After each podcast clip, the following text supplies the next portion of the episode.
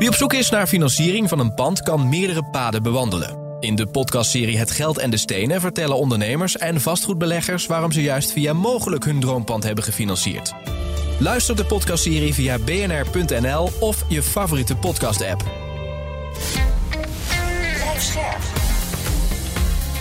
BNR Nieuwsradio.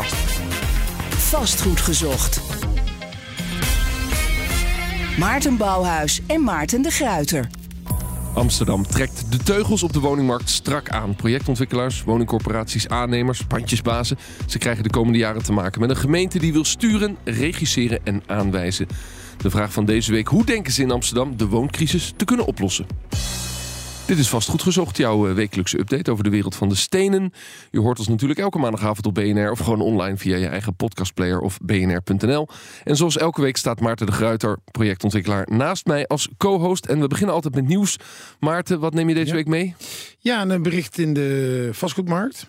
Uh, dat uh, ja, bouwgrond, bouwgrondgebrek en huurverlagingen belemmeren bouwambities corporaties. Oh jee. Ja, er wordt natuurlijk heel veel de komende jaren uh, door de, de, overheid verwacht van de corporaties. Ja. Nou, dan hebben we natuurlijk al gezien dat de afgelopen jaren dat erg tegenviel. Hè? Dus ja, een, kleine 17.000, de afgelopen jaar 16.000 nieuwe woningen. Nou, dat is net ongeveer de helft, want er zijn ook nog ongeveer de helft voor gesloopt. En uh, er moeten er veel meer, want uiteindelijk die 900.000 van Hugo, daar moeten er 300.000 door uh, corporaties worden gerealiseerd. Dus zeg even 30.000 per jaar. Ja. Nou, dat halen we nu al lang niet. En ja, wat eigenlijk de, de um, uh, autoriteit woningcorporaties, AW, die hebben gewaarschuwd. Die zeggen, ja, door een gebrek aan bouwgrond. Nou, hoe zit het nou eigenlijk? Ja, de corporaties die mogen geen grond verwerven... als ze niet binnen vijf jaar daar ook echt gaan, gaan realiseren. Het is een regel die is ingesteld 15 jaar geleden... nadat die corporaties een beetje als uh, commerciële projectontwikkelaars gingen Ja, dat is werken. natuurlijk altijd interessant. Hè? Dat je natuurlijk altijd ziet, die slinger gaat natuurlijk al van, van de ene uiterste naar de andere Want we hebben natuurlijk een tijd gehad dat iedereen, iedereen het wel over eens was, van links tot rechts, van ja, we moeten iets doen aan die corporaties. Hè? Die, die directeuren ja. die werden rondgereden in Maseratis. Ja, en die kochten over hebben, hoor. alles wat los te lang geleden. Ja, alles wat los, alles wat los en vast zat. Dus ik denk dat dat heel, heel, heel goed is. Nou ja, kijk, bijvoorbeeld in Amsterdam is het niet helemaal niet zo ingewikkeld. Ja, daar kun je natuurlijk gewoon als, uh, als gemeente gewoon um, hebben ze heel veel uh, eigen grond. Nou, ja, kunnen ze gewoon ter beschikking stellen van de ja. corporatie. Maar even los bij die vijf, die vijf jaar regel. In welke mate is die vijf jaar regel nu dan een probleem geworden, waardoor de uh, bouw van nieuwe woningen vertraging oplevert? Nou ja, dus, dus de, de, de AW zegt dus eigenlijk, ja, zij kunnen dus niet concurreren, want zij kunnen die locaties niet kopen en marktpartijen kunnen dat wel. Uh, nou zijn er overigens niet heel veel marktpartijen die echt zitten te wachten op een locatie waar ze pas over vijf jaar uh, aan de slag kunnen. Maar dat is natuurlijk wel de realiteit, helaas meestal.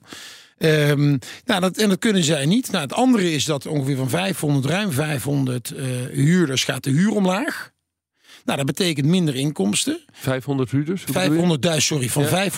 500.000 sociale huurders. Ja, moet de huur omlaag. Moet de huur omlaag wegens hun inkom, eh, in, inkomen. Ja, dat is rijksbeleid, hè? Dat is beleid. En, en, maar dat betekent natuurlijk gewoon wel dat er minder inkomsten zijn. Nou, er is ook een enorme verduurzamingsslag uh, voor de corporaties. Dus ja, die zeggen zelf natuurlijk van ja, dat, dat, dat stopt ja. daar. Conclusie, de corporaties waren ontzettend blij. We hebben Martin van Rijn ook in de uitzending gehad... dat de verhuurdersheffing eraf is. Ja. Dus dat gaat ruimte geven. Maar nu zegt AW eigenlijk, Autoriteit Woningcorporaties... er zijn nieuwe tegenslagen, zoals jij die nu presenteert. En, Ja. en dat gaat echt weer een rem geven op onze ambities... om veel bij te kunnen bouwen. Ja, zeker. En dus dat moet je, ik denk dat je even, even los van wat is de oplossing, denk ik dat je dus realistisch moet zijn in wat de haalbaarheid is van die plannen.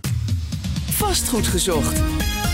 Amsterdam wil de wooncrisis voor 2040 hebben opgelost. Nou, dat is wat. De gemeente presenteerde onlangs een pakket aan maatregelen om dit voor elkaar te krijgen. Over de AAV, de Amsterdamse aanpak volkshuisvesting, gaan we praten met eh, de vrouw die daar de handtekening onder heeft gezet. Wethouder Sita Pels, van harte welkom. Fijn dat u er bent. Hoe zou u eh, de situatie op de Amsterdamse woningmarkt omschrijven nu? Ja, ik zou toch wel willen zeggen dat het vreselijk is voor iedereen die probeert een woning te vinden. Ik denk, je bent nu eigenlijk een winnaar in onze stad als je een woning hebt. Of als je een enorme zak met geld hebt, waardoor je hier nog wat kan kopen. Maar voor de rest zien we toch wel hele vreselijke uh, dingen gebeuren. Waarbij bijvoorbeeld mensen echt opgesloten zitten in hun eigen situatie van bank naar bank. Geldt het eigenlijk voor alle doelgroepen? Want de, de stad wordt bevolkt en bewoond door iedereen. Ja, En dat moeten we ook zo houden. Dus daarom hebben we ook onze inzet in de uh, aanpak volkshuisvesting gericht. Eigenlijk vooral op de lage en de middeninkomens. En op de ouderen. Omdat we zeggen, ja, daar moeten we echt extra aandacht voor hebben. Om die ook in onze stad te kunnen houden. Mm u zei daar onlangs over. Jarenlang heeft het beleid vooral de nadruk gelegd op woningmarkt. Maar wij zijn uh, volkshuisvesting uit het oog verloren. Wat is het verschil eigenlijk?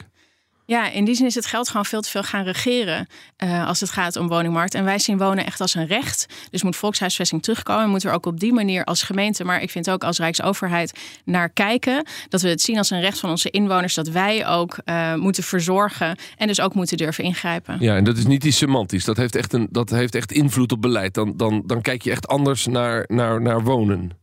Ja, absoluut. Want dan denk je vanuit de gedachte van we willen al die groepen huisvesten in onze stad.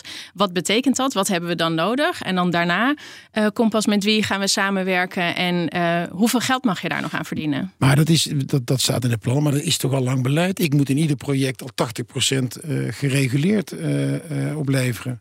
Dus dat, dat, is toch helemaal niks nieuws. Dat, dat, dat voelt toch als volkshuisvesting. Dat, doen we, dat, dat, is, dat is vier jaar geleden uh, al uh, ingesteld. Alleen de projecten gaan veel te langzaam. Maar dat is al ingesteld. Dus die 80, wij moeten tot 1, de bovengrens is 1,8 keer modaal. Ja, nou en nu gaan we eigenlijk nog verder. Want dat klopt inderdaad als het gaat om nieuwbouw. Maar er staan natuurlijk vooral al heel erg veel huizen. En die zouden we ook veel verder gaan moeten gaan reguleren. En ik ben ook blij dat de minister De Jonge daar stappen in zet. Dus wij gaan ook bijvoorbeeld als we kijken naar de middenhuur... gaan we dat ook hier enthousiast invoeren. Dat we echt meer gaan reguleren en dus ook die prijs vast gaan leggen. Want we zien in de bestaande bouw eigenlijk veel problemen. En daar richten we ons dus ook expliciet op. Maar dat is, interessant, want aan de ene kant zeggen, dat is natuurlijk de grote fout die Hugo ook maakt, heel erg kijken naar die, die bestaande taart. In plaats van kijken hoe gaan we die taart vergroten of meer taarten maken. Dat doet u natuurlijk eigenlijk ook. Want aan de ene kant zegt u ja, maar die nieuwbouw, dat duurt nog even dat die er zijn. Maar ja, een van de maatregelen die u heeft aangekondigd, is ja, een huurcontract kun je tekenen als gezin. In een gezinswoning. Maar we gaan kijken dat op het moment dat je kinderen het huis uit zijn, dan moet die woning terug. Nou, ik denk overigens juridisch totaal niet haalbaar. Maar dat is natuurlijk ook iets wat pas, nou ja, laten we zeggen, pas over 18 jaar effect gaat sorteren. Want jouw kinderen, voordat die het huis uit zijn, ja, dat duurt nog even, als het goed is. Ja, wat we hebben gezegd is het heel erg belangrijk dat we de doorstroming bevorderen.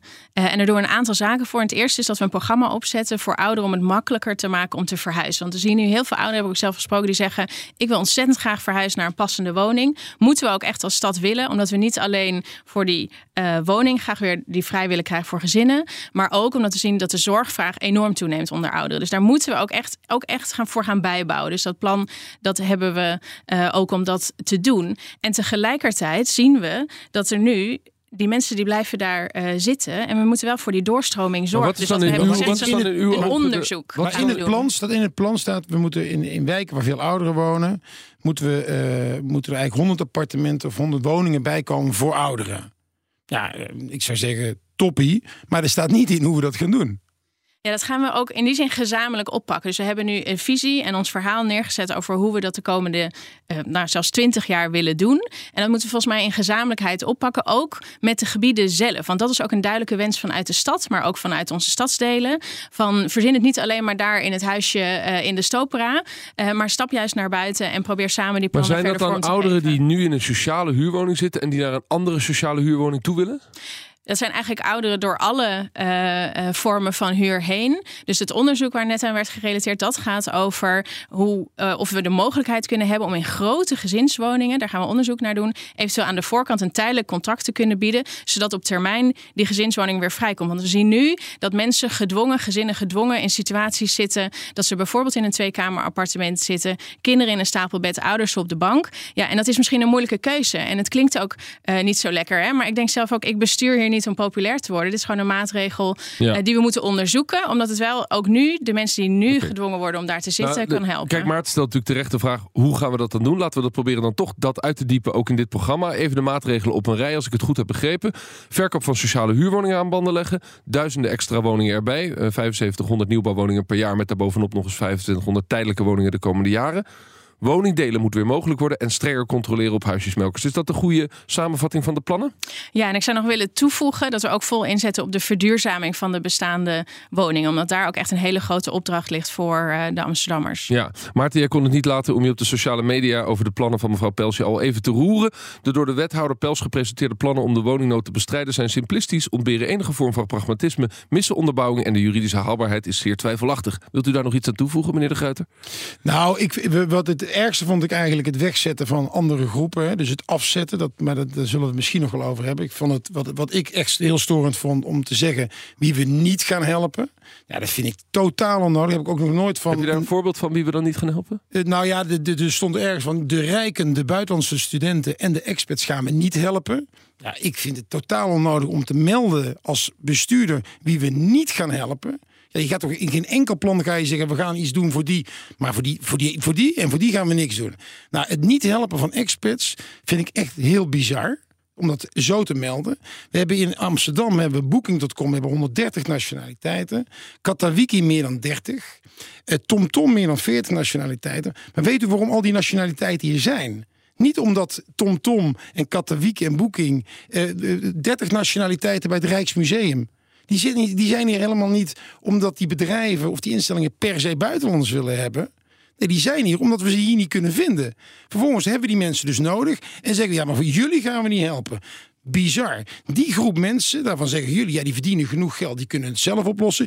Die mensen moeten het van die bovenste 20% hebben, wacht even, die ik moet ontwikkelen. Maar die bovenste 20% gaat boven de 1,8 keer modaal. Meer dan de helft van de politieagenten in Nederland verdient meer dan anderhalf keer modaal. Als het een verzamelinkomen is, komen die in die groep. Dat betekent dat ook die politieagent van u moet gaan wedijveren met die experts in die bovenste 20% die wij maar mogen bouwen voor die groep. Ja. Ik vind dat heel bizar. Oké, mevrouw Pels.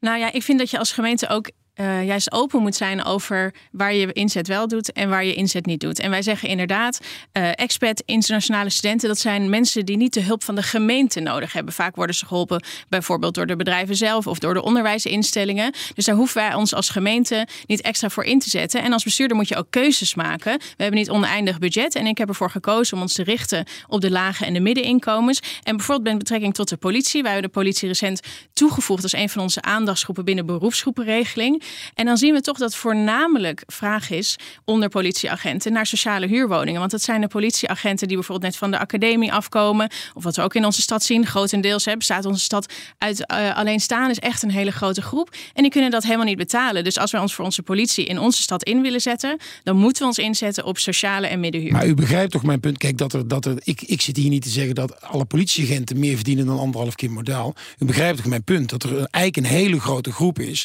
die boven die 1,8 uh, komt te vallen. En, en het wordt, het wordt ge neergezet als ja, die rijken zitten in die bovenste 20%. Ja, ik weet niet wat een rijk is, hè? maar dat is boven 1,8 keer modaal. Dat is een waanzinnig grote groep. En waarom zijn die politieagenten waar u het nu over heeft, ja, die zijn al lang de stad uitgegaan die een gezinnetje hebben en die boven die 1,8 zitten.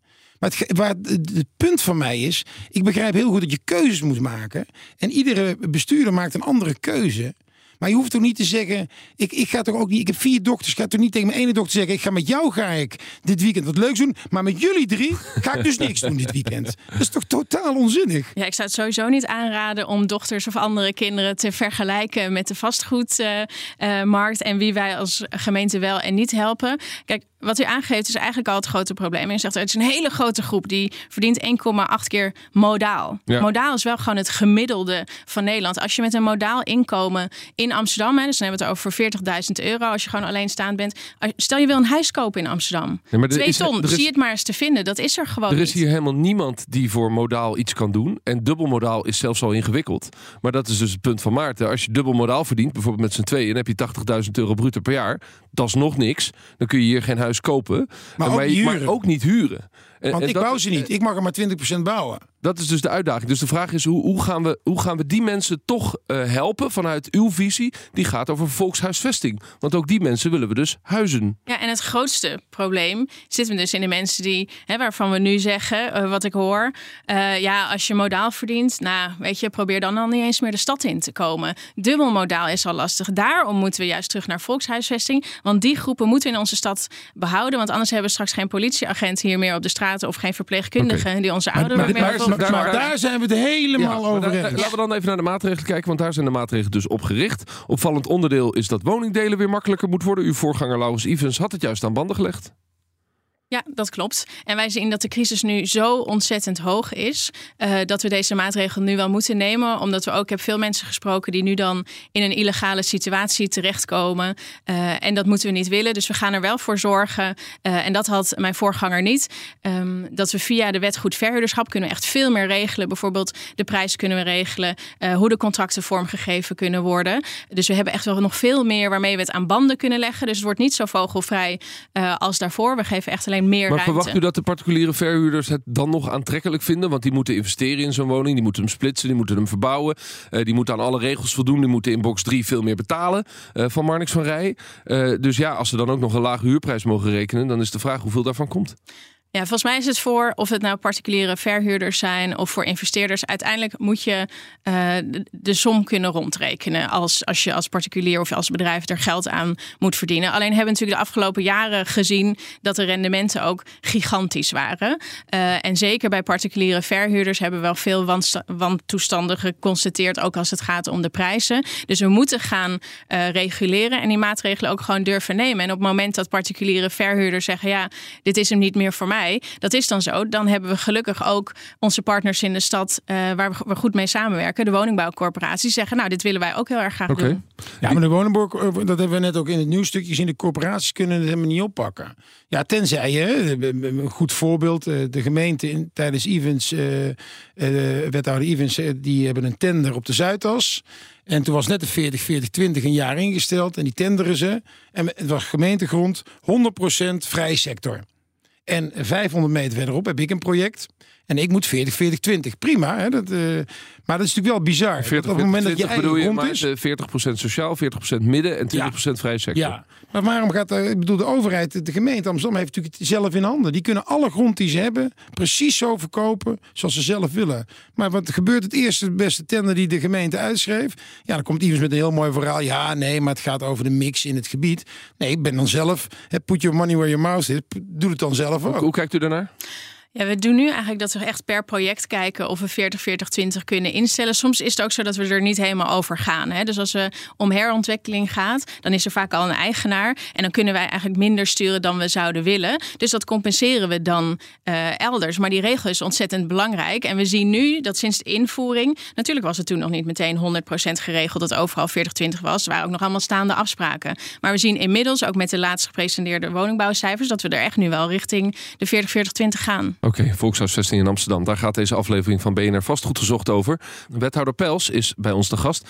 Ik wil nog even met u naar de sociale huurwoningen. Wat u zegt, corporaties moeten stoppen met het verkopen ervan.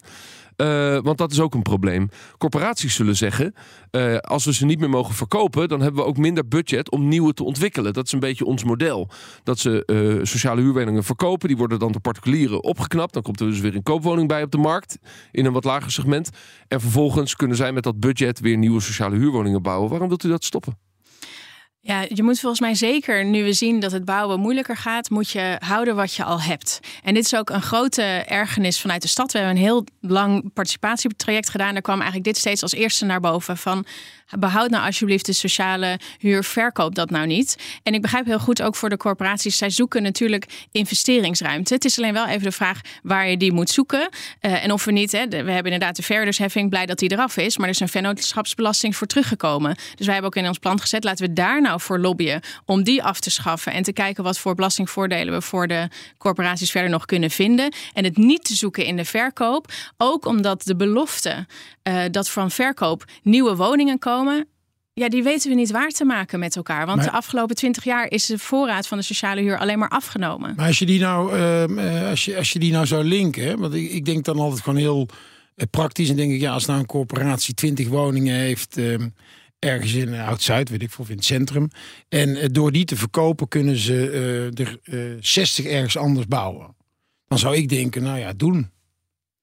Ja, maar wijs maar eens een voorbeeld aan waar dat tot, tot op heden is gebeurd. Nee, nee, maar als, dus dat is nee, het maar, maar, maar, stel dat het wel zo werkt. Bent, dus stel dat je gewoon die afspraak moet maken. Je mag het verkopen, maar je moet laten zien waar je die investering ergens anders aan. Stel ja. dat het zo kan. Hè? Even, bent u dan nog steeds tegen?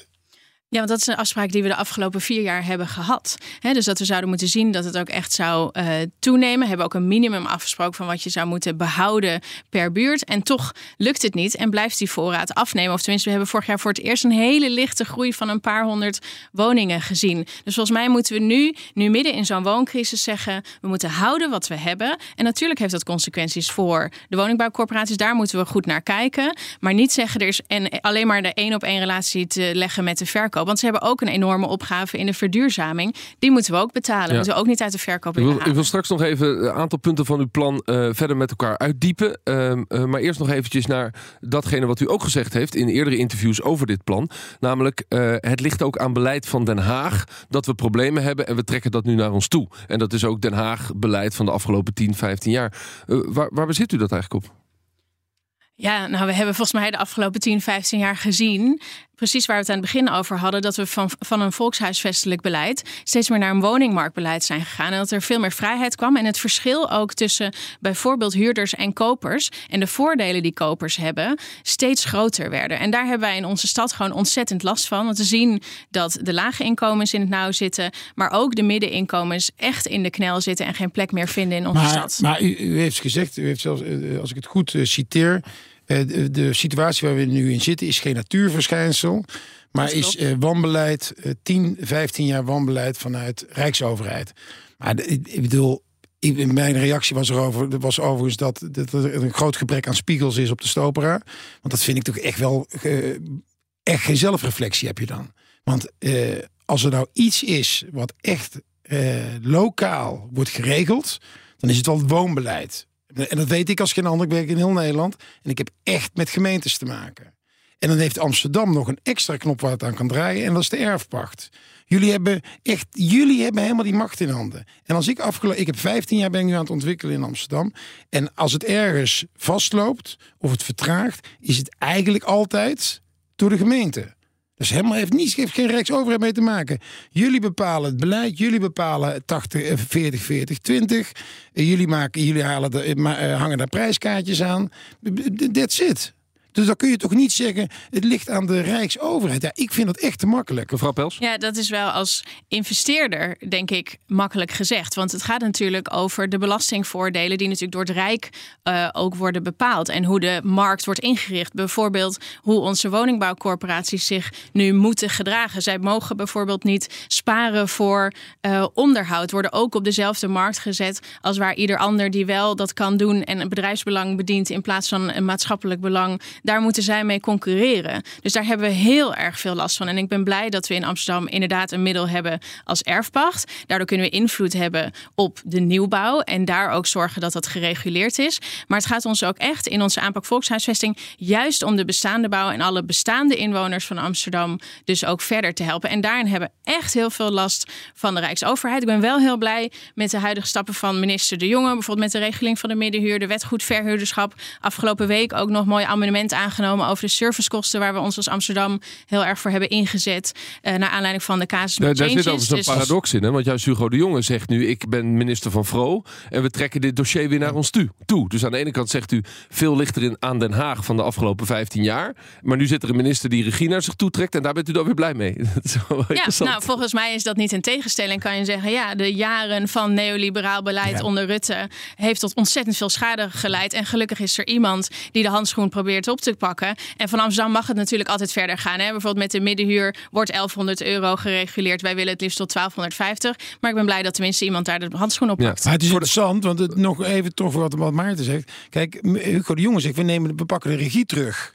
Maar hij bedoelt met die regie terugpakken niet zozeer van de markt terug. Maar hij probeert, hij bedoelt met name ook, we pakken de regie terug van de lokale overheden. Dat voel jij niet zo? Nee, dat voel ik helemaal niet zo. Ik heb de minister gisteren nog besproken, gesproken. Uh, en toen hebben we juist, wij hebben heel erg goed contact over bijvoorbeeld die regulering. Dus ik heb het idee dat we daar juist goed in samenwerken. En dat we dezelfde beweging willen, weer terug naar volkshuisvesting. Uh, we hebben het ook over die 65-plusser. En daar zegt, heeft u ervan gezegd, daar moeten wij uh, ons in verdiepen. We moeten kijken hoe we die een andere ruimte kunnen geven. Er is te weinig woningen zijn er voor ze en willen gebiedsgericht bouwen. U had het over 100 woningen per, per gebied. Kunnen we nou eens uitdiepen hoe we dat dan in de praktijk gaan doen? Want dat moeten dan ook nog betaalbare woningen worden. Dus ergens een inbreidinglocatie.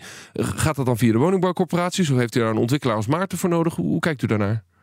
Ja, wat we willen gaan doen is echt gebiedsgericht plannen gaan maken. Kijken wat is er nou in zo'n gebied nodig. Want tot op heden maakten wij als stad natuurlijk ook plannen over de hele stad heen. Bijvoorbeeld 40-40-20 is daar zo'n voorbeeld van. Je zegt, nou dat willen we in de hele stad terugzien. Maar we zien het als het gaat om ouderen, dat zij aangeven, uh, hebben ze geregeld tegen mij gezegd, nou wethouder, ik wil best wel verhuizen.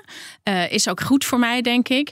Maar ik wil gewoon in mijn buurtje blijven. In dat wat ik al ken. Nou, dat snap ik ook. Dat je daar, als je zo oud bent, geen zin meer hebt om de hele stad door te gaan reizen. En als je bekenden daar in de buurt zitten. Dus wat we willen gaan doen, is echt gebiedsgericht kijken. Wat is er dan nodig? Bijvoorbeeld aan senioren, huisvesting. En ook te kijken met welke partners kunnen we dat en ontwikkelen. Hoe, hoe groot is een, is een gebied? Gaat het over een buurt? Dat je zegt bijvoorbeeld de Indische buurt. Hè? Dat is echt een duidelijk afgebakend buurtje. Moet ik in, in dat soort gebied grote denken? Nou, ik denk dat het belangrijk is dat we ons ook nog niet helemaal vastleggen op de grootte. Omdat je ook natuurlijk verschillende uitdagingen ja, maar uh, u, ziet. u, u, koppelt er een heel concreet getal aan, namelijk 100.